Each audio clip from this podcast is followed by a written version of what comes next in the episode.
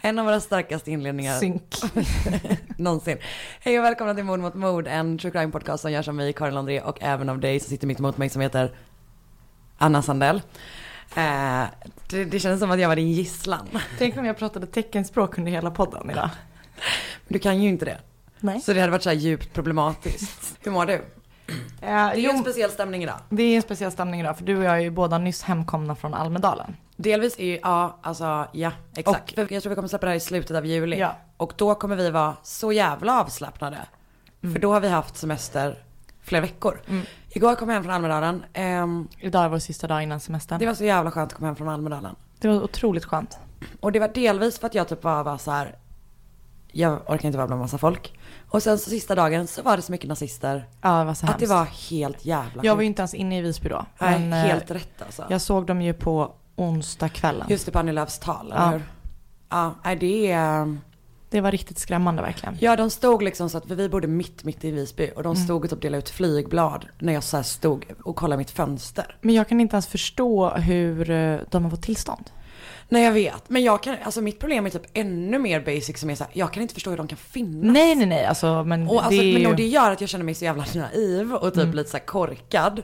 Men och, och man har ju sett de här jävla bilderna på NMR. Fast jag har nog inte heller förstått hur stort... eh, men de var, de var så jävla många. Eller de är ju typ, de är inte så jävla många men de känns som att de är så jävla många. Mm. Och jag tyckte det var så starkt att typ KRIS hade Mm, ställt sig just det. runt om på Annie Lööfs tal.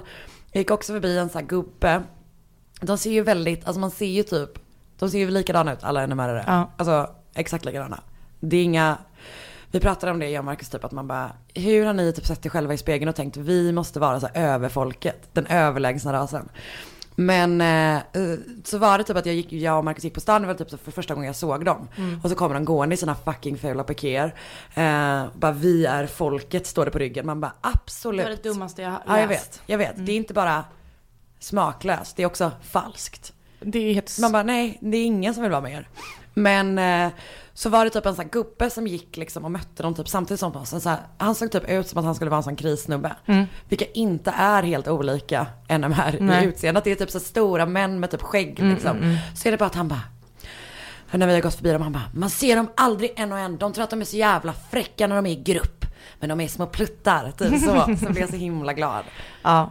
Men för att det var, så det, det var jävligt skönt att lämna Almedalen. För att det mm. var riktigt obehagligt. Jag var rädd och ledsen typ. Extremt obehagligt. Ehm, så nu imorgon börjar semestern. Ja. Och nu Jag har fortfarande vi... inte riktigt förstått det. Nej gud nej, absolut inte. Och, men jag är väldigt glad för att alla i vår Facebookgrupp är så himla stöttande för att du och Ja. jag ska ha semester. Verkligen. Gnäll mer Anna och Då Karin. vet man om att man har klagat för mycket i sin egen podd. Jag bara, det viktigaste är att ni mår bra. Verkligen. Och det är också det enda vi fiskar efter. Verkligen. Och det är kanske det enda jag bryr mig om just nu. Att Alltså, vi mår bra. Verkligen. Och typ att jag tänker att så här, de är ganska smarta som gör det. För att det är som att de har sett in i ditt inre. Och det enda du vill höra är att Är någon det? säger så. Det viktigaste är att du mår bra Anna. Men jag tycker det viktigaste är att alla mår bra. Men jag ingår ju i den gruppen. Ehm, jo.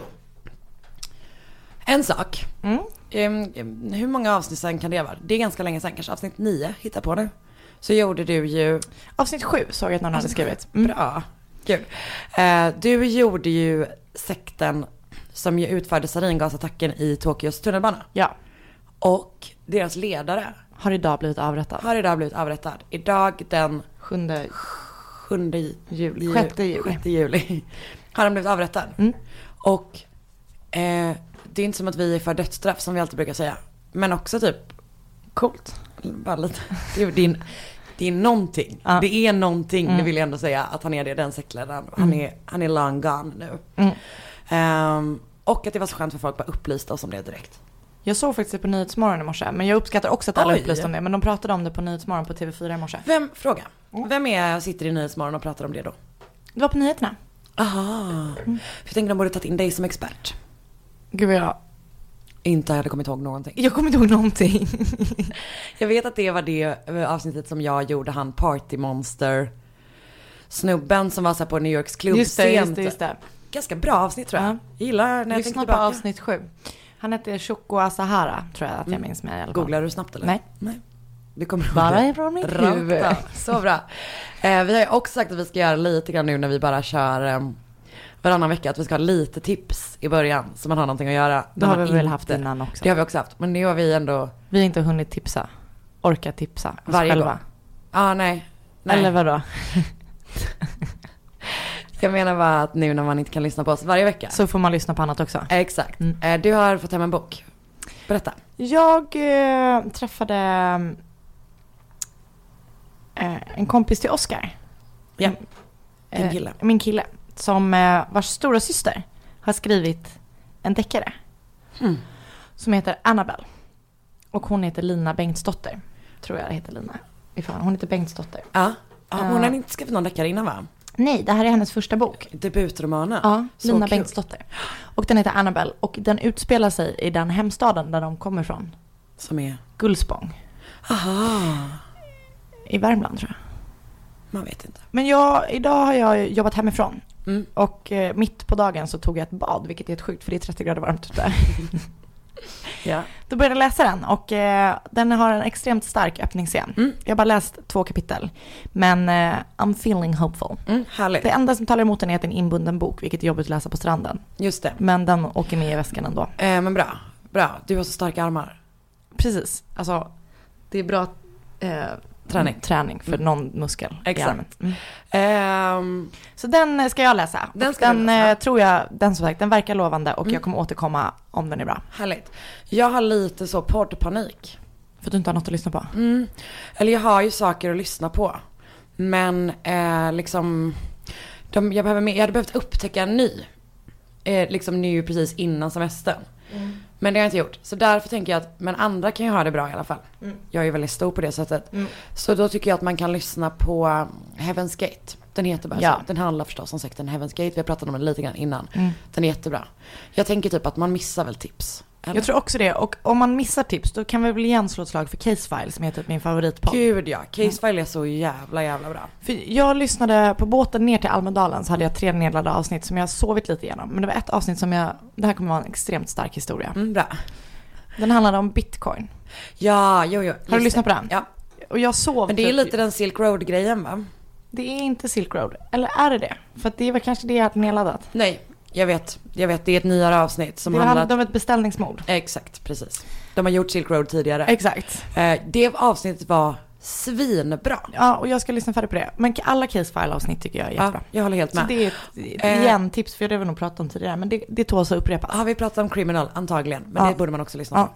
på. Eh, Och det pratade vi om igår på båten, att du borde ju börja lyssna på böcker. Ja, det borde jag För det verkligen. gör ju både jag och din kille. Mm, exakt. Eller ja, han har laddat ner appen i alla fall och betalat till varje Mm. månad. Två saker, nej en sak till. Mm.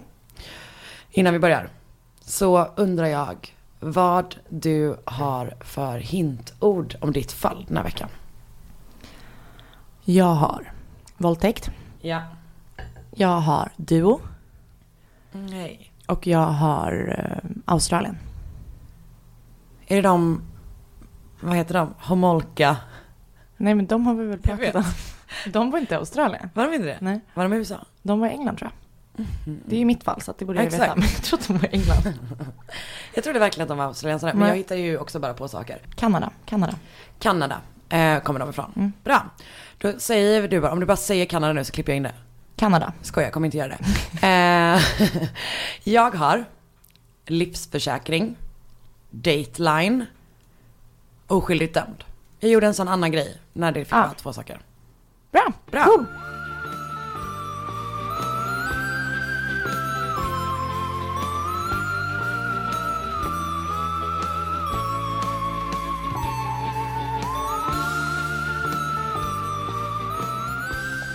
Okej.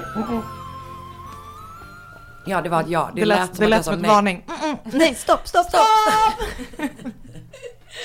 Ja, ja, ja. En sen kväll på sena hösten i 1986 Mm. accepterar Kate Moore, Moyer Moyer. skjuts hem efter att hon har varit ute med sina kompisar.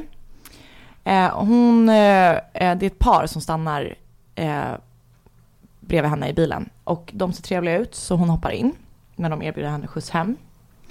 Det hon inte vet när hon hoppar in i bilen är att det här är Catherine och David Burney. Catherine och David har under en månad kidnappat och mördat fyra kvinnor i åldrarna 15 till 31 i sitt hem på Morehouse Street i den lilla förorten Villagey utanför Morehouse Perth. Murders. Mm. Och jag... Eh, jag har läst om det, men typ minns ingenting. Ja, det, är, men de, det är lite likt Molkeparet. Ja, Mm. ja, ja, men då är det är typ det jag vet. Åh nej, det här kommer bli vidrigt, eller hur? Det har blivit dags för då en till mördarduo från min sida som verkar vara min största fascination i livet. För det här är precis som du säger, The Morehouse Murders. Den 16 februari 1951 föddes David Burney. Eh, han var den äldsta i en syskonskara av fem. Och i den lilla staden eh, där de växte upp, som jag inte vet vad den heter, så gick det mycket rykten om hans familj som verkar vara en ganska illa funktionsfamilj. och det gick rykten om dem, att, och det var liksom allt från att föräldrarna var alkoholiserade till att det pågick incest i familjen. Tydligen ska prästen som ombads att viga Davids föräldrar uttryckt en oro om att föräldrarna var dåliga för varandra eh, och att inget bra skulle komma från ett äktenskap dem emellan.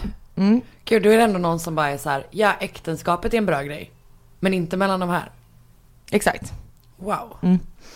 Eh, och de var tydligen ett väldigt omaka par. Pappan var väldigt liten och ful och mamman var burdus och har också beskrivits som väldigt ful. Det var någonstans ehm, som hon beskrev som en dog in eh, typ människokläder. Alltså hon var jätteful. Så. Men, Och- vet du vad hon var? Men pappan var också jätteful. Ja, exakt. Och det är inte jag som säger det här. Härken. Ja, de var härken. Riktiga härken. Ehm, precis. Ehm, och det ryktades om att mamman eh, betalade taxis och andra tjänster med eh, sin kropp. Mm. Eh, när David var 15 år gammal så flyttade familjen till Perth. Eh, där David träffade Catherine för första gången genom en gemensam vän. Eh, strax efter det så började David jobba, jobba som en eh, jockey.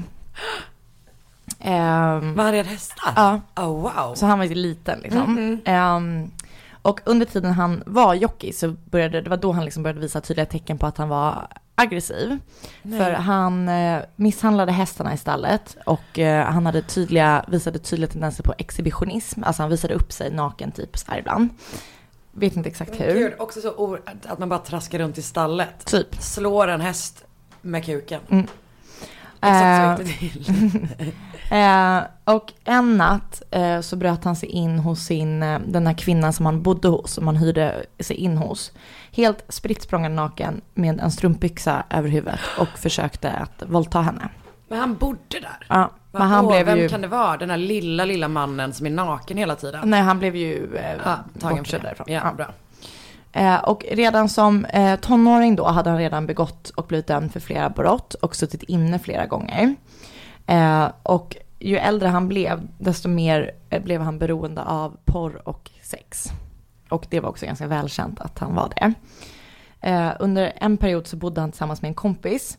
Eh, och de sov så här i sängarna bredvid varandra i något hem. Mhm. Och då hade David ofta med sig olika tjejer hem som han hade sex med i sängen bredvid sin kompis. Och så en natt, eh, eller under en period eller några dagar så berättade kompisen att han hade liksom torka David så han fick inte med sig några tjejer hem. Så då har han istället bara så frågat sin kompis att så här, men kan du tänka dig att ligga med mig? Eftersom jag måste, han måste typ ha sex liksom. Eh, men kompisen säger såklart, eller inte såklart, men han eh, Han tackar inte nej. nej. Mm.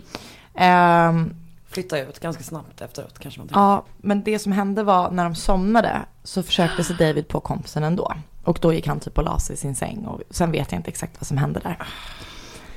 Ehm, Fråga, är han fortfarande jockey? Vet vi det? det vet jag inte. Nej. Han kommer inte vara det sen. Nej, men just nu vet jag inte vad han jobbar med. I början av 70-talet så gifte han sig också med en kvinna som inte var Catherine. Eh, som döptes till, och nej, Någon gång döptes hon säkert. Kvinnan vet jag, frun vet jag inte vad hon heter. Men de tillsammans fick en dotter som heter. Tanja. Eh, Catherine då eh, hette Catherine Harrison när hon föddes. Och hon föddes också 1951. Och när hon bara var två år gammal så dog hennes mamma. Eh, när hon födde Catherines lillebror. Ah, Och bara två dagar efter födseln så dog även lillebrorsan. Oj. Jättehemskt. Gud vad sorgligt. Så, och Catherines pappa kunde inte riktigt hantera den här sorgen. Så han skickade iväg Catherine att bo med sin mormor och morfar. Men sen när hon var tio år gammal så fick eh, pappan tillbaka vårdnaden igen. Så då bodde hon med sin pappa. Mm. Eh, och de träffades ju då när de var 15 år gamla. Och de blev snabbt ihop och inledde liksom en vuxenrelation läste jag någonstans. Men liksom de blev verkligen, Ja. ja. gick upp- i varandra. Mm. Ehm, och vid flera tillfällen så eh, bad Catherines pappa henne att eh, lämna honom, eh, David alltså, Ja. för att David så ofta hamnade i trubbel med polisen. Men pappans liksom, missnöje och eh, försök att separera dem stärkte bara deras relation, så de blev helt sammansvetsade. Och i och med att Catherine umgicks så tight med David så hamnade hon också ofta i trubbel med polisen. Och under, någon gång under sin tonårsperiod så satt hon i fängelse.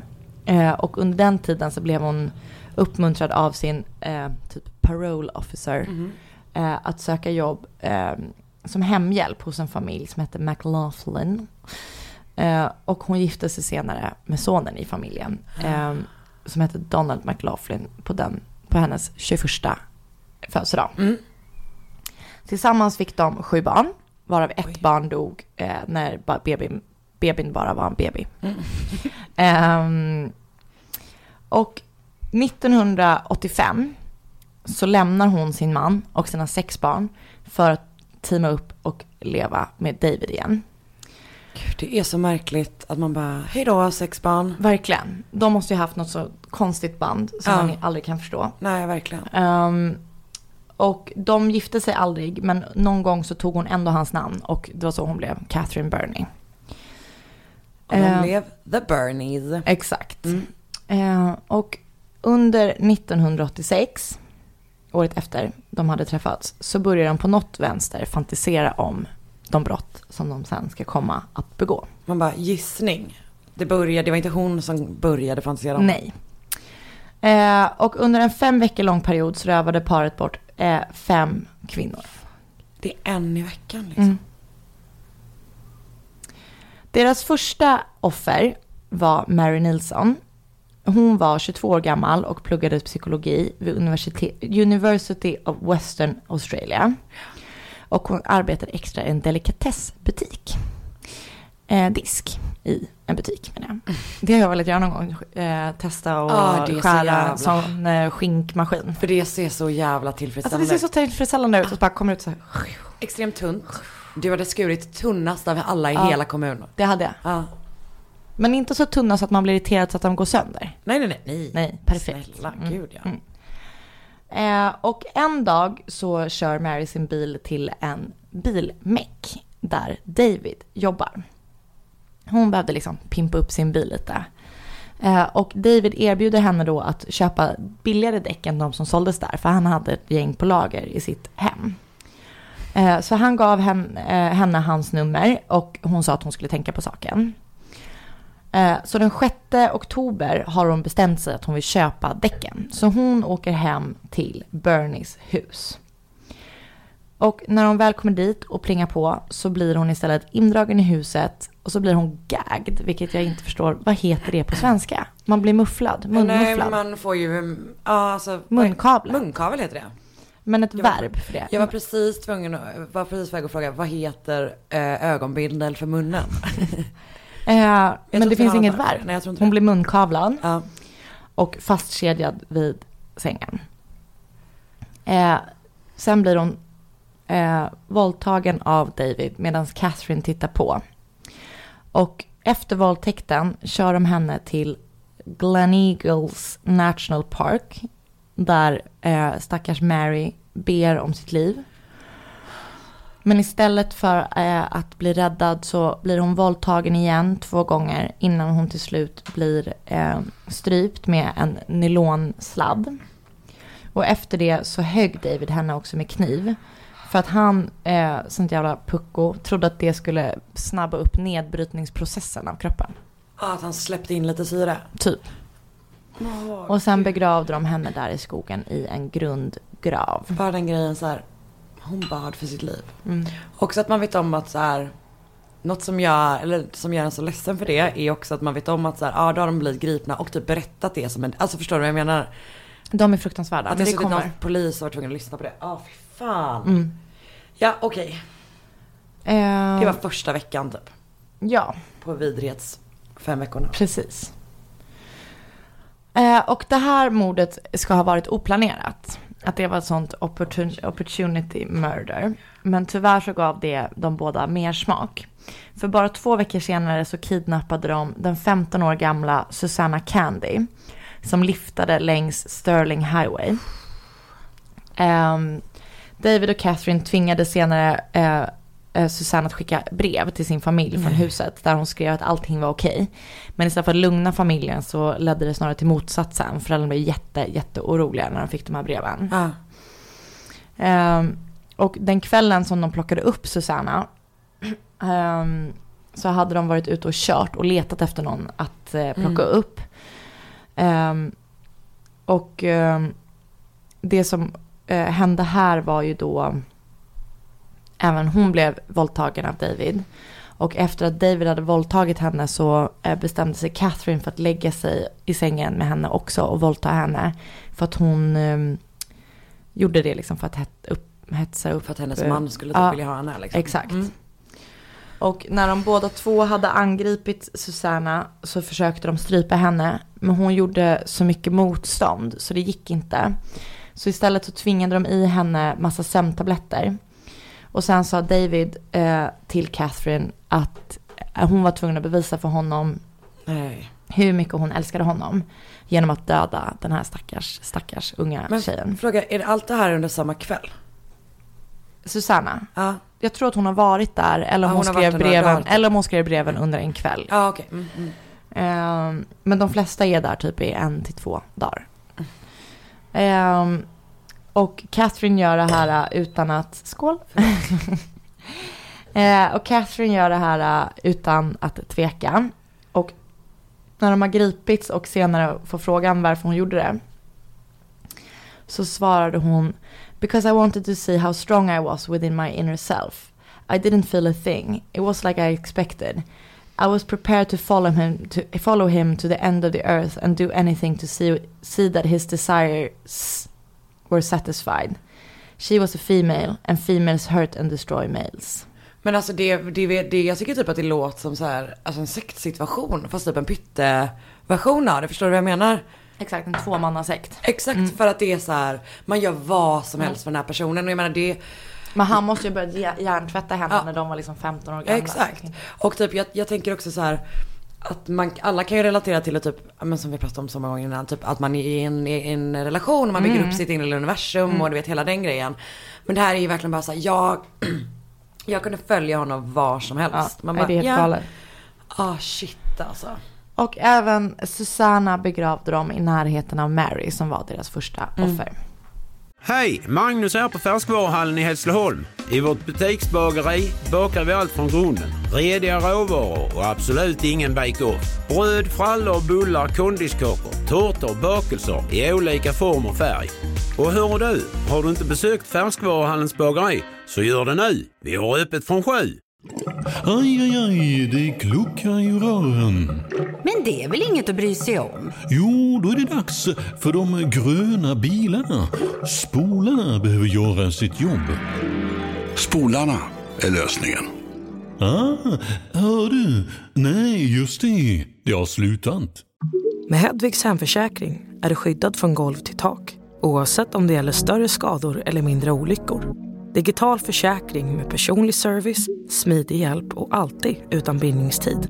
Skaffa Hedvig så hjälper vi dig att säga upp din gamla försäkring. Hedvig hemförsäkring, ett klick bort. Deras tredje offer blev den 31 år gamla Nolan Patterson. Och den första november så stod hon bredvid sin bil på motorvägen för hon hade fått bensinstopp Mardrömmen. när hon var på väg hem från jobbet. Ja den jävla mardrömmen alltså. Mm. Att typ stanna någonstans mitt ute i ingen, ja fy fan. Mm. Och de plockade upp Nolin och väl inne i bilen så fick hon direkt en kniv mot halsen. Eh, och blev hotad liksom. Och så blev hon bunden och körd till deras hus. Och även hon fick munkavel och blev fastkedjad vid sängen. Och de hade först planerat att eh, döda henne samma kväll. Eh, men det slutade med att de hade henne fången i tre dygn. Och det verkade som att eh, David fattade ty- tycke för henne.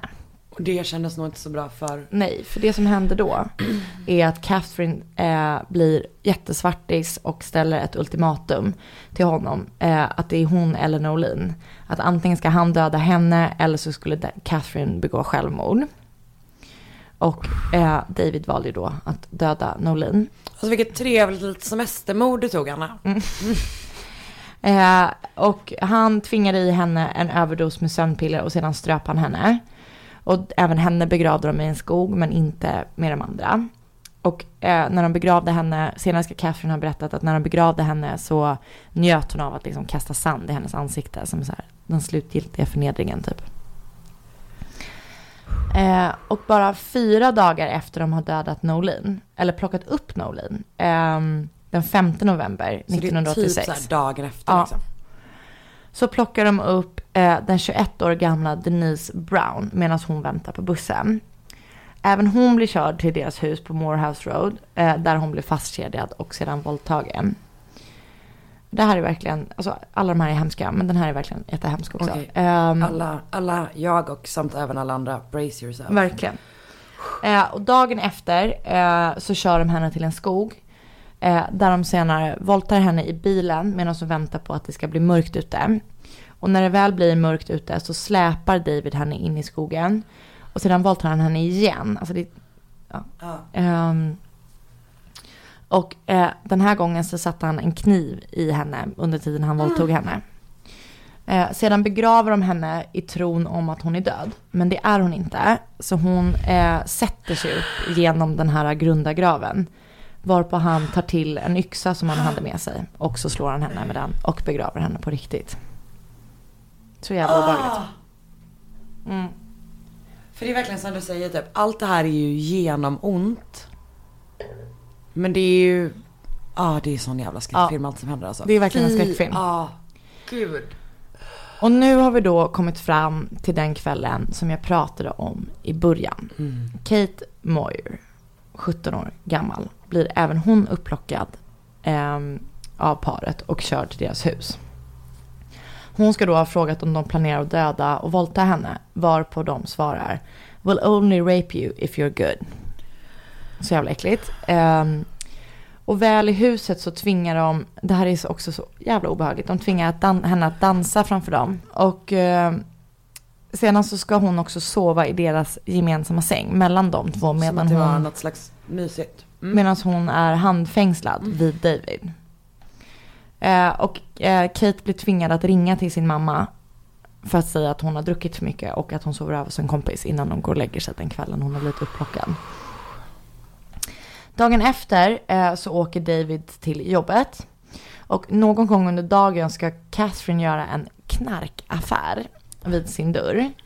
Och just vid det här tillfället när de får besök så är Kate inte fastkedjad. Så hon bestämmer sig för att fly därifrån. Så hon bryter upp ett fönster och springer för sitt liv. Hon så slår i huvudet när hon är på väg ut och liksom ramlar och det, allting så här. Men hon bara springer och springer och springer. Och hon så springer och knackar på på alla, gat- på alla dörrar på gatan och ingen öppnar. Och till slut så kommer hon fram till en dammsugaraffär. Där så ska vara hon ju såklart helt, helt, helt hysterisk när hon kommer fram. Och berättar att hon har blivit våldtagen. Det är någon slags båt. Det är ju en färjeterminal, inte allt för Ah, långt ja, ja. Hemma hos mig så är det flygplan. Här är det Vi har alla olika färdsätt Verkligen. representerade. Nästa gång är vi vid Centralen och lyssnar på tåg. Ehm, och polisen kommer till affären och först är de tveksamma till att historien verkligen kan vara sann. För de tycker att det verkar för sjukt det som har hänt. Eh, men så är det en ung kvinnlig polis Ja, som är typ 22 år gammal som har sin typ första vecka på jobbet. Ja. Som är så här, men det måste vara sant. Hon har för mycket detaljer. Det kan inte vara påhittat. Dessutom hade hon också eh, adress och deras telefonnummer. Hon hade även ehm, sett, när de plockade upp henne så hade de sagt att de hette någonting annat. Men hon hade också sett deras riktiga namn på så här medicinflaskor i eh, badrummet. Ah. Och hon hade även lämnat små spår runt om i huset för att visa att hon hade varit där. Hon hade typ skrivit sitt namn på Men en lapp. den här personen är ett geni. Alltså det är fantastiskt. Eh, så paret grips då. Och hon är fri. Så det är typ att de bara, ah hon bara, ah men kolla där, där har jag lagt den Exakt. grejen. Mm. Fan vad coolt. Det hade jag aldrig tänkt Nej man på. hade ju aldrig kommit på det. Men det är ju amazing. Och eh, så de grips och under förhör eh, så ger de två helt olika historier. Catherine menar att hon aldrig ens har träffat Kate. Medan David menar att eh, hon har kommit till huset frivilligt för att ha samtyckessex med dem. Mm. Och sen vet inte exakt hur länge förhöret pågår. Men det som händer är i alla fall att en polis säger så här. Eh, come, come on, tell us where the bodies are so we can dig them up before it gets dark. Varpå han bara, okej, jag ska visa er, det är fyra stycken. Oj, Så det är inte jättekonstigt. konstigt. Och alla var typ i chock. Att han bara så här gav upp typ. Ehm, Men det måste ju varit typ för att de påtalade att det var så här body, alltså förstår du att de inte bara var anklagade för det här eller ja, någonting. nej men det är så jävla, ingen Ja, vet Och typ typ riktigt vad kanske som en händer. exhibitionistgrejen. Typ att de Säkert. bara, look what I've done. Mm. Och Kate ska senare ha berättat också att när de satt i bilen så ska David ha sagt så här, I've got the munchies. Och att Catherine då ska ha svarat, I've got the munchies too. Och att det här ska vara deras signal för att de båda vill ha en tjej. Eh, Men, Ja, och när de väl är i rättegång så erkänner sig David direkt skyldig till fyra mord. Och när han blir frågad om varför han har erkänt så lätt så har han så pekat mot offrens familjer och sagt så här ah, att det är det minsta han kan, minsta han kan göra för dem dem. jättemycket, absolut. Mm. Eh, men både Catherine och David blev dömda till fyra livstider. Och de var båda två tvungna att sitta minst 20 år innan de skulle kunna bli testade för att få parole. Ehm, och David sattes på ett sånt maximum security fängelse. Mm. Och efter ett tag så flyttade han sedan till sån solitary confinement. Oj, han gjorde skit i fängelset också helt enkelt. Ja men framförallt för att han inte skulle bli skadad av andra det, fångar. såklart. Och under tiden så, eh, de satt i fängelse så skrev paren, eh, paret mer än 2600 brev till varandra. Men som de aldrig liksom fick ta del av. De vill jag ändå läsa. Ja, Jag vill det inte skulle- skriva nej. till någon mördare men jag skulle... Det skulle vara ja, ganska det, intressant. Det skulle jag faktiskt vilja läsa. Sen den 7 oktober 2005 så hittades David död i sin cell. Eh, där han hade hängt sig själv med en ventilsladd. Vad fan. Mm. Och när han, var, eh, när han dog så var han misstänkt för våldtäkt på en annan fånge i fängelset. Och Catherine fick såklart inte besöka hans begravning. Så Och- hon lever. Hon lever Mm. och hon sitter i fängelse där hon jobbar som eh, bibliotekarie. Och hon menar liksom att hon har eh, lärt sig typ av sina läxor och sådär. Eh, och hon ansökte om parole 2007 som hon fick avslag på.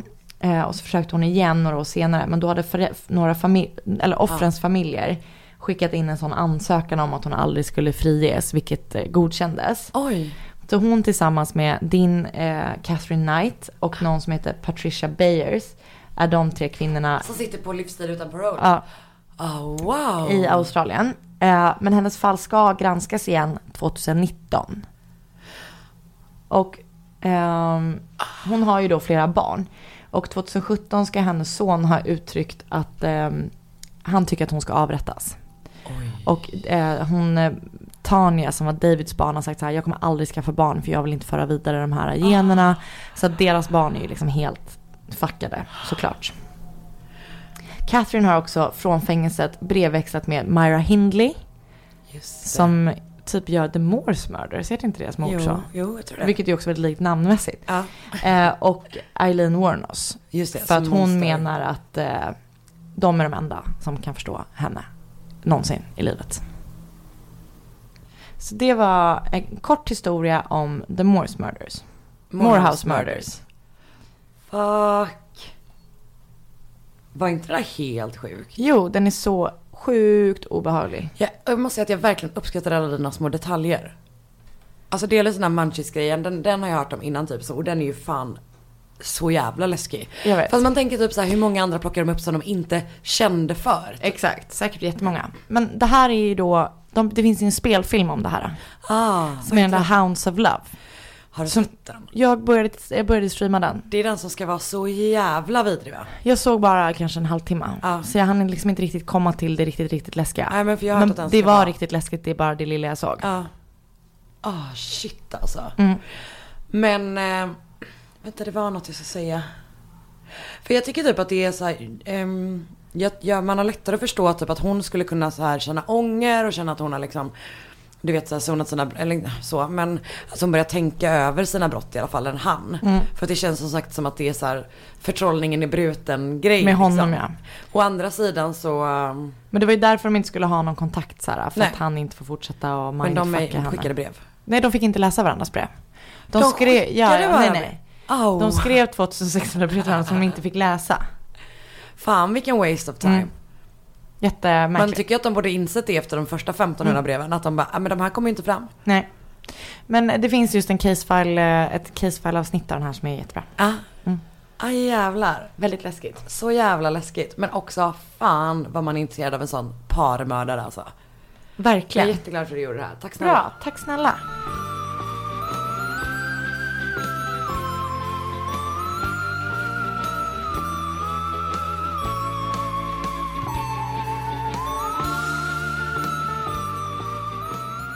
Kan du prata med mig bara? Nu pratar jag. Gud, tänk om du hade pratat så vad störigt det hade varit. Nej. Jag pratar så här. Ska jag kommentera allt du säger? Bra. Jag kommer att göra det. Ba, ba, ba, bam. Det här är musikalavsnittet. eh, hoppas ni hade en bra paus.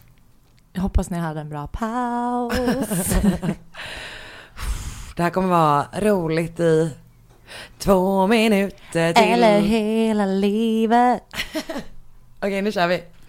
Du, jag har eh, typ tagit allt underlag till, av mitt fall från en och samma artikel. Ah. Alltså inklusive upplägg, allting. Nice. Enda skillnaden är att artikeln har jättemycket mer information än vad jag har. Helt rätt. Eh, så att om man blir sugen på, jag tänker att jag lika gärna säger det redan från början. Ja. Eh, artikeln heter The Unimaginal Infamous Case of Pam Hupp. Och är skriven av en kvinna som heter Jeanette, Co- eh, Jeanette Cooperman, Cooperman Aha. på St. Louis Magazine. Eh, som Den du ser den från välkända början. titeln. Jag kommer eh, lägga en länk till det i vår Facebookgrupp Mord mot mord podcast som vi alltid, där vi alltid lägger länkar till alla saker vi pratar om. Mm. Inklusive bra bilder på Vanessa från Sunset Beach och Alltså sådana saker. lyckan att du hittade en bild på henne. Din knä-lookalike. Eh, nu kör vi. Ja. Den 16 augusti 2016 svarar polisen i O'Fallon, Missouri på ett nödsamtal. När de kommer till platsen så hittar de en 33-årig man död. Kvinnan som ringt heter Pamela Hupp och hon säger att mannen har attackerat henne, först i hennes bil och sen följt efter henne när hon har typ flytt in i sitt hus för att hämta sin pistol. Och så har hon skjutit honom. Så sju dagar senare kommer Pamela då gripas och åtalas för mordet på Louis Gumpenberger. Och innan... Gud vilka bra namn de ja, båda alltså har. Pam Hupp. Och Louis Gumpenberger. Ja, jag vet. Det är det, och det kommer fler starka Släng dig i väggen Anna Sandell. Verkligen. Och Karin Londreus också. Alltså jag vet inte, jag tycker mitt namn är ganska bra. eh, hon kommer gripas. Och innan hon sätts i häkte, innan hon är bukt, som det står, så kom, ber hon om att få låna toaletten.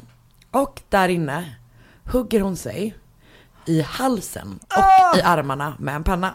Aj! Ja.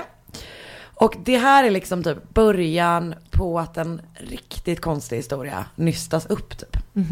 För poliserna känner igen Pam eftersom hon har varit vittne eh, i ett fall där hennes kompis mördades med 55 knivhugg av sin man.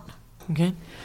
Och dessutom så har hennes mamma dött av ett misstänkt fall från tredje våningen, eh, från sin lägenhet på tredje våningen. Och i båda de fallen så var det Pam som stod på livförsäkringen. Så nu börjar vi. För Pamela Neumann Hupp växte upp i ett katolskt hem och var det tredje av fyra barn. Hon var glad och positiv som ung typ men alltså så här, ja, men de sa att hon var boy crazy. Hon var En alltid fun to be tjej. around. Exakt så. Eh, Men saker och ting började typ förändras när hon gick i sista året av high school. För på sin senior prom så gick hon med sin nya kille. Tre månader senare var hon gravid. Jag vet inte om hon blev gravid den kvällen hon, de inte insåg det förrän, ja du fattar. Fattar. Så hon tvingas då förstås att gifta sig med den här killen. Eh, Så när alla, typ alla hennes kompisar åker till så här college så är hon liksom kvar och typ tar hand om ett barn i en lägenhet liksom. Mm. Inte så kul för henne. Nej. Eller ja, vissa vill ju självklart vara hemma och ta hand om sina barn. Det är inte det. Hon vill inte det. Nej. Och deras eh, äktenskap håller i sex år och under den tiden så får de ytterligare en dotter. Men snart efter de har gjort slut så träffar hon Mark Hupp. Och de får ytterligare ett barn tillsammans. Och sen börjar hon jobba på ett kontor och där lär hon känna en kvinna som heter Betsy Faria. Och Betsy var en sån riktig så life of the party person. Eh, som alla älskar. Man bara, she's gonna get murdered. Förstår det så i sådana här historier så. Vet man. Ja, det står också någonstans att hon eh, jobbade som DJ lite part time. Tyckte jag var Jag, vet, jag ser framför mig att hon är så gammal, men det kanske hon inte är. Nej, nej, hon är nog inte så gammal då. De är nog fortfarande ganska unga då. Alltså kom ihåg hur tidigt hon fick Ah, ja. sitt barn och sånt liksom. Ehm, så. De två blir kompisar typ. Och, men när de slutar jobba ihop och Pam flyttar från den orten där de bor ett tag med Mark. Så typ. Eh, men, Mark Hopp. Mark Hupp. Hupp, alltså det är Hupp. Hupp. Hoop. Hupp. H-U-P-P. Ah. Är du med? Sjung där. Mark Hopp. Bra.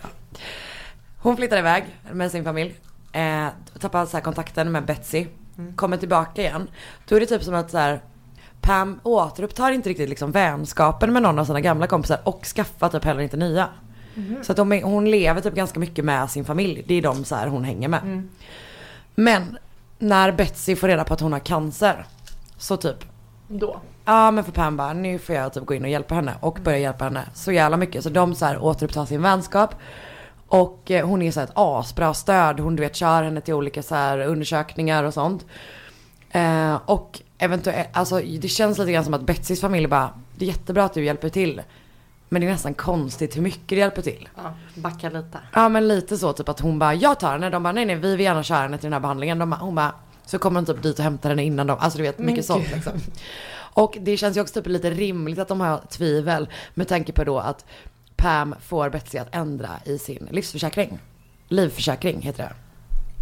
Så att hon och inte maken Russ får pengarna. Så. Det är så sjukt. Jag vet det är så jävla jävla konstigt. Ehm, och Betsy blir liksom bara sjukare och sjukare.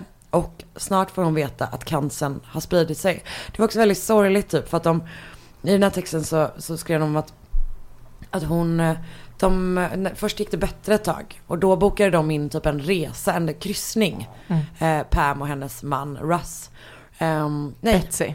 Betsy och hennes man Russ. För att typ så här, med, fira med sina kompisar typ. Att liksom så här, nu vänder det. Och sen blev hon sjukare igen. Och då åkte de på den kryssningen i alla fall. Och att typ Russ hade fixat så hon skulle få bada med delfiner. Vilket hon typ alltid har velat göra. Väldigt, väldigt sorgligt. gulligt. Så. Men det hände ingenting då eller? Nej, nej, nej. Och Betsy, eh, Pam var faktiskt inte ens med på den kryssningen. Så så bra var de, nära vänner var de uppenbarligen inte. Utan hon var mer hennes chaufför kanske. Ehm, Att hon ändå skrev över. Ja, jag vet. Mm, kan det varit en förfalskning? I don't know man. Så fyra dagar efter då att det ändrats i den här livförsäkringen, den 27 december 2011 är vi på nu. Så kommer, kommer Russ hem efter att ha hängt med sina kompisar och kollat på film. Varje tisdag i princip så åt han middag med sin mamma och sen hängde han med sina kompisar. Och det här var nog en tisdag. Så när han går in i huset så hittar han sin fru liggandes på golvet. Och hon har uppskurna handleder och en av deras köksknivar sitter fast i hennes hals. Ah. Ja. Gud vilken chock. Och hans tanke direkt är ju typ så här, hon har begått självmord typ. Eh, för hon har försökt Hon har göra det säkert innan. satt kniven så i halsen. Ja, nej exakt. Men typ att det är så här, det är mycket blod. Hon Mm. förstår att hon har blivit sjuk, bara ligger på golvet så. Hon har, hon har försökt eh, ta sitt liv tidigare också liksom. Så att det är så här. Mm. Och polisen tycker liksom att Russ beter sig konstigt redan från början. När de kom, alltså redan från när han kommer tycker de han är weird, de tycker han är lite konstig så här, när, i samtalet och allting. De tycker att det är konstigt att han säger att My wife killed herself, det första som händer. Och de tycker att han inte gråter tillräckligt mycket. Att han har typ en rätt vanlig konversation med polisen på väg till polisstationen. Alltså du vet mycket sånt som man liksom, ja. Jag får lite så uh, Jag skulle staircase-vibbar. precis säga det. Mm. Mm. Ja, ja, men jag vet.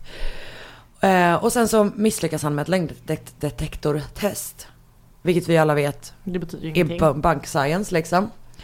Men polisen blir liksom helt, helt övertygad om att så här, Betsys man har mördat henne. Och när de pratar med Pam så förstärks den bilden. För hon säger typ att så här, samma kväll så skulle Betsy, hon hade, hade Betsy skickat ett mail till henne och sagt att hon skulle berätta för Russ att, de skulle, att hon ville lämna honom. Och att hon typ var rädd för honom och det vet massa, massa Mm, sådana grejer typ.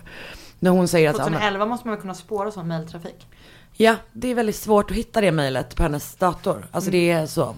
Såklart. Det kommer hittas långt senare men då kommer det typ vara ett dokument och inte ett mejl. Alltså du vet det är liksom. Mm. Så. ehm, ja men polisen blir bara mer och mer övertygad om Russ har mördat sin fru Betsy. Mm. Och Russ får då en advokat som heter Joel Schwartz. Också bra namn. Bra namn. Joel är fint på engelska tycker jag. OK på svenska, väldigt fint på engelska. Mm. Eh, och han blir snart jävligt, eller han blir så han bara, hur kan ni inte ha kollat på den tantan Mm. typ? Hur är det ens möjligt att ni inte liksom utreder henne? Ja. Hon, har så här, hon har inget alibi. Hon, tjä, alltså, hon tjänade sedan fyra dagar tidigare pengar på att Betsy skulle dö. Och hon ändrade så sin story hela, hela tiden. Hon säger och hon har någon teori om att hon inte kan göra ett lögndetektortest för att hon har någon, någon slags sjukdom. Eh, hon ska ha typ så här ha skadat sig på något sätt och därför har hon typ dåligt minne och det påverkar, alltså du vet att det är liksom Ah, ja. en sån Nej, grej liksom. Eh, hon verkar typ, hon är lite, det är som att hon är lite osäker på vad det är som har hänt med henne. Kan man också säga. Det kanske är bara att hon inte minns riktigt vad som har hänt med henne. Mm. Ehm, det är liksom mycket som är weird helt enkelt. Och hon säger typ i något samtal med Joel att hennes man har en superhög liv, liv, livförsäkring. And amazingly he's still alive. Och Joel bara, vad menar du med det? Hon bara, nej men om jag skulle mörda någon då hade jag väl tagit honom typ. Men gud. Men trots att det är så jävla mycket weird så inleds så rättegången mot Russ Faria den 18 november 2013. Och hans styvdöttrar, du kommer ihåg att hon hade döttrar från sitt tidigare äktenskap. Ja. De är nu övertygade om att han har mördat deras mamma. Vilket då påminner mig om förstås den ena dottern i Staircase. De vittnar om att de typ bråkade supermycket och du vet så här. Det, det är massa grejer under rättegången, rättegången med du vet så här, tidsangivelser och phone towers. Och du vet det känns som serial typ. Att det liksom är så jävla mycket olika sådana grejer. Ehm, och Joel Schwartz vill då få rätten att, alltså han vill få tillåtelse att berätta för juryn om att Pams telefon faktiskt var i närheten vid rätt tillfälle typ av huset. För det är så här, det stämmer, tidslinjen stämmer inte överens riktigt Nej. med att Russ ska ha gjort det. Så de bara, men man vill väl ha reasonable doubt liksom. Eh, och det här då, så ta upp det här att livförsäkring faktiskt går till henne. Men han får inte göra det. För domaren. Va? Han får heller inte förhöra henne om pengarna framför juryn. Okej. Alltså du vet att man säger man bara får jag prata om det här? De bara nej det får du inte göra. För att det inte är direkt då kopplat till fallet. Ja, så konstigt. Så, Russ döms då till livstidsfängelse. Utan möjlighet att bli frigiven. Va?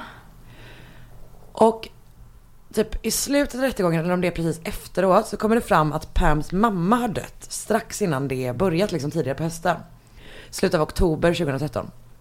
Och hon påstår att hennes mamma dött av Alzheimers. Okej. Eh, men det stämmer, det är någon som bara, det där, jag måste bara påpeka här, det där är inte sant typ. För Shirley Newman som hon då hette, hon hade så börjat visa tecken på demens. Men det som gjorde att hon dog var att hon föll från sin balkong.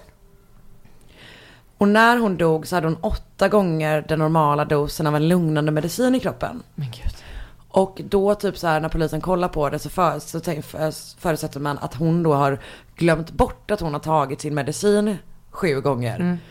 Snubblat ut på balkongen och typ trillat över räcket. Men grejen är att det är så här, räck- det stämmer inte med räcket heller. Nej. Det är som att det är böjt, alltså det är så här jävligt mycket konstigt typ. Så också då att under... Jag vill se hur Pamela ser ut. Ja, du ska få göra det. Hon har ett, kommer du ihåg att hon när hon blev gripen hade huggit sig själv med en, Mm. ja.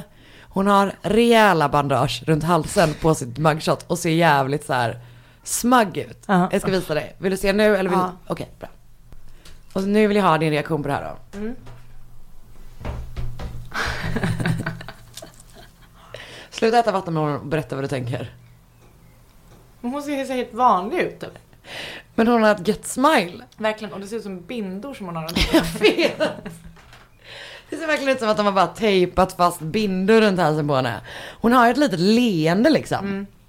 Men hon, ja, hon ser ut som en helt vanlig mamma, amerikansk mamma skulle jag säga. Verkligen. Hon har en sån lite så check page. Verkligen. En lättskött page har hon. Klassisk mamma frissa. Mm, verkligen. Under utredningen av, av liksom Betsys fall så har Pam också en gång sagt till Joel Schwartz att If I really, I hate to say it, but wanted money, my mom's worth half a million that, that I get when she dies.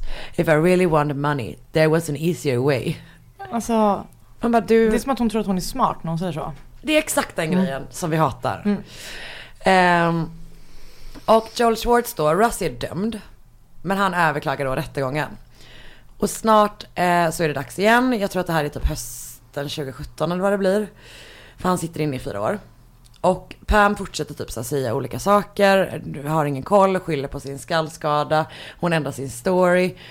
Eh, men det så kommer fram massa tekniskt bevis som liksom ändå stöttar Russ story typ. Man hittade typ blod på hans tofflor när man sökte igenom huset. Men när man kollar på det igen så visar det sig att de är liksom doppade i blod.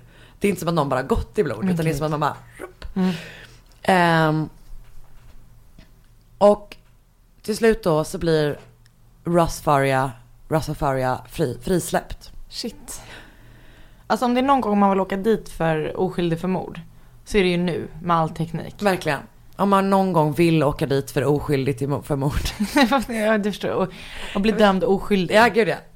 Men jag, Eller ja. bli dömd skyldig fast man är Alltså oskyldig. ja, exakt hellre nu än typ så häxrättegångarna. Ja, eller jag tänker bara så här, som ändå var i ganska nutid. Typ 95. Ah, ja, ja, när man kört. fortfarande trodde på lögndetektortest och sånt Exakt, där. det är ju verkligen den grejen. Så ett eller svajigt lögndetektortest som Och sen kan så är funka man typ fast. 50% av Ja. gångerna. Det vill säga inte alls. Ja, exakt så sitter man där.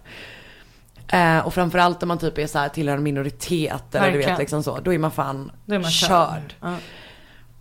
Ehm, och även då fast Joel Schwartz får Russ fri så kan han inte sluta tänka på det här fallet. Nej, För att det är så här, för weird. nej men och det är så här, she fucking did it liksom. Mm. Alltså det är verkligen, verkligen den grejen. Han känner typ, jag vet vem mördaren är och jag vet vem, vad som har hänt Shirley Newman typ. Det här funkar inte, alltså han liksom blir helt obsessed. Så, den 16 augusti 2016, vilket då var där vi började, så finns det ju liksom inte längre några tvivel om att Pam Hupp har ju mördat någon. Hon påstod att Louis Gumpenberger hade attackerat henne med en kniv i hennes bil, där han avkrävt henne på Russ pengar. Att han bara, give me Russ money, typ. Eh, han hade typ så hotat att döda henne om hon inte, om hon inte fixade det. Eh, men hon lyckas ta sig ut ur bilen, in i huset genom garagen. Där hämtar hon sin pistol. Och när Louis öppnade sovrumsdörren så tömde hon magasinet. Louis Gumpenberger hade varit med om en bilolycka när han var yngre. Och det hade gjort att han var, det kommer ett citat här då. Childlike, soft-spoken, occasionally frustrated, unable to pro- process complex thoughts. Han hade fått en hjärnskada helt enkelt liksom. Han lämnade knappt sin mammas hus förutom för korta promenader i, liksom, i sitt område. Det var i det, och i det området kunde man se att Pams telefon hade befunnit sig 45 minuter innan hon ringde 911 för att så här, säga att hon blev attackerad. Det här är då polisens teori om vad som hände den kvällen. Pam Hupp sa till Louis att hon jobbade med Dateline. Ett program som har, har gjort jättemycket om fallet på Betsy Faria. Det finns det på flera program. Så att jag tror att det är därför så här.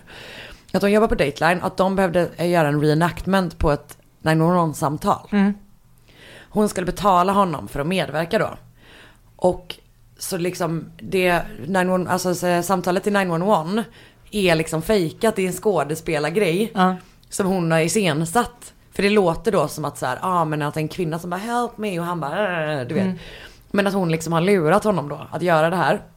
Och då istället helt enkelt skjutit honom. Och anledningen till att hon gjorde det var för att man skulle misstänka Russ för att ha anställt någon för att råna henne och eventuellt då döda henne på de pengar som han ansåg var hans, Betsys, livförsäkring. I Louis ficka så hittar man en handskriven lapp där det står, dessa instruktioner, att han ska mörda Pam för att få resten av de 10 000 dollar han har blivit lovade. Men innan dess så skulle han ta med henne till banken, de skulle tvingas hämta ut då Russ money. Och sen lämna av pengarna i högen med ved i Faria-familjens trädgård. Det, för det var så att Russ pappa hade typ förvarat trä som han hade till landscaping där eller någonting. Och det hade liksom, den hade inte funnits där särskilt länge. Så man var så här, okej, om hon visste om att den fanns, då måste hon ha kört förbi. Då har hon sett den liksom. Då, exakt, hon måste ha sett den för annars hade, ing, annars hade hon inte vetat att den Nej. var där. Den fanns där inte när hon var kompis med Betsy. Alltså du vet Nej, så, här, nej. så. Så, då kommer Russ syster på att grannen har övervakning. Ah. Som filmar ut på vägen liksom. Och när man kollar den så ser man att hon har kört förbi två gånger. Men gud. Fram och tillbaka. Och snart så är hon då gripen. Har stabbat sig själv. Fått bindor runt halsen. eh, och den 11 september 2018 ska Pamela Happ stå inför rätta. Eh, åklagarsidan pushar för att hon ska dömas till döden. Shit. Hon fortsätter intyga sin oskuld. Det var Ah, vad spännande. Det blir en uppföljning här då till hösten. exakt the unimaginable infamous case of Pam Happ. Fan vad sjukt. Visst är det? Men det är någonting som är, vi har ju pratat om det här förut med försäkrings... eh, Ja men alltså hur kan man inte bara typ gå på personen som fyra Alltså, dagar verkligen. tidigare? Dels det såklart, men också att det är så jävla konstigt att man kan vara så cold blooded. Ja. Att man bara så här, vi beskriver på här och sen så bara... Ja. Också att det har varit skitmycket grejer för att Pam har typ sagt att hon ska så här, set up a trust för uh, Betsys döttrar. Ja. Det har typ inte hänt, det har varit någon civil case. Alltså som sagt i den här artikeln, det är så jävla mycket fram och tillbaka. Ehm, så att det har varit jättemycket med det med. Typ att de har varit så här. ehm, men tänker du typ lösa den här trusten till Betsys döttrar? Då säger hon bara så här, it's on my mind. De bara, ja okej, is that a yes? It's on my mind. Alltså hon så här. Hon, Hon är ett as med Hon är verkligen ett as. Det är verkligen det hon är. Men gud vad spännande med ett sånt ny, nutida. Ja, som ändå hade, det är så jävla mycket twist and turns typ. Så mycket. Du innan vi eh, Tack snälla tar för det. avsked. Ja. Så tänkte jag att jag ska göra en liten, någonting som våra Ja. lyssnare har skrivit till oss. Det ska du. Vi har ju bestämt oss för att avsluta våra inspelningar så, för att vi tycker att det är härligt. Eh, jag träffade en lyssnare i Almedalen. Ja, just det. Gud vad kul. Det var jättehärligt. Man blir alltid lika glad. Jag vill också träffa en lyssnare Ja, men någon det är ingen som vågar gå fram till dig. För att du är för cool. Det är också för att de är rädda för att de ska fastna i en två timmar lång musikal. Välkommen hit. Hem till dig, alltså? En inbjudan, stående inbjudan. In i min värme. Mm, Okej, bra. Okej, det var i alla fall en tråd i Facebookgruppen som handlade om om man, så här, om man hade um, eh, drömt. Vad man hade drömt för Ja. saker. Du, såg du det? Jag vet Det var typ ett inte. tag sedan. Men då var, det var typ två veckor sedan. Ehm, men då var det i alla fall en person som skrev så här. Det här är en tvåstegsraket. En gång när jag var 12 drömde jag att jag hittade en död kropp hemma i trädgården. I drömmen försökte jag berätta detta för mina föräldrar. Men de var inte ett dugg intresserade så då ringde jag istället polisen. Själv. Polisen upp, upp, upplyste mig snorkigt om att det nog kunde ta några, några dagar innan de kom. För de var faktiskt väldigt upptagna. Och då kom ett svar på det. Som är så här. Som är, jag tycker båda de två var roliga. Här är, ja det är skoj. Det påminner mig av någon anledning om när jag i höstas skulle ta över en språkvalsgrupp i engelska och årskurs 7. Första lektionen försökte jag få dem att berätta vad de gjort under sommaren. En tjej bör, började berätta att hon åkt till stugan och plockat svamp med sin pappa. Hon. Och sen hittade vi ett lik. Jag. Oj, ett djur eller en människa? Hon. En människa. Jag. Vad gjorde ni då? Hon. Vi fortsatte plocka svamp. Jag. Ringde ni inte polisen? Hon. Nej, vi hade inte tid. Vi skulle ju plocka svamp. Men hon tror inte att det är sant. Nej, det kan Men ändå. inte vara sant. Men för att jag relaterar till så mycket för det, för att min mamma är en sån svampplockare. svampfantast. Alltså om hon hade sett ett lik, tveksam. Hon hade sagt så här, jag gillar inte deckare men jag gillar svamp. så hade de glatt fortsatt plocka Det var svamp. väldigt roligt. Eller hur? Jag tycker Ja. också det var kul. Um, skicka historier som hade varit så här som ni Känner ni någon som känner någon som har en farmor som gjorde något elakt, nej inte elakt, något mordrelaterat. Ja. Vi vill veta det. Ja. Skriv till oss antingen på Instagram där du heter atsandelanna eller till mig på Instagram där jag heter attkarinandré. Eller, ehm, ja men där får man gärna skriva roliga grejer. Ja. Det vill vi ha. Vi vill också ha tips där. Och så kom och prata true crime med oss i gruppen Mord mot mord podcast. Och nu Anna Sandell, min Har vi underbara vän. semester? Hej! Magnus här på Färskvaruhallen i Hässleholm. I vårt butiksbageri bakar vi allt från grunden. Rediga råvaror och absolut ingen bake-off. Bröd, frallor, bullar, kondiskakor, tårtor, bakelser i olika form och färg. Och hör du, har du inte besökt Färskvaruhallens bageri så gör det nu. Vi har öppet från sju.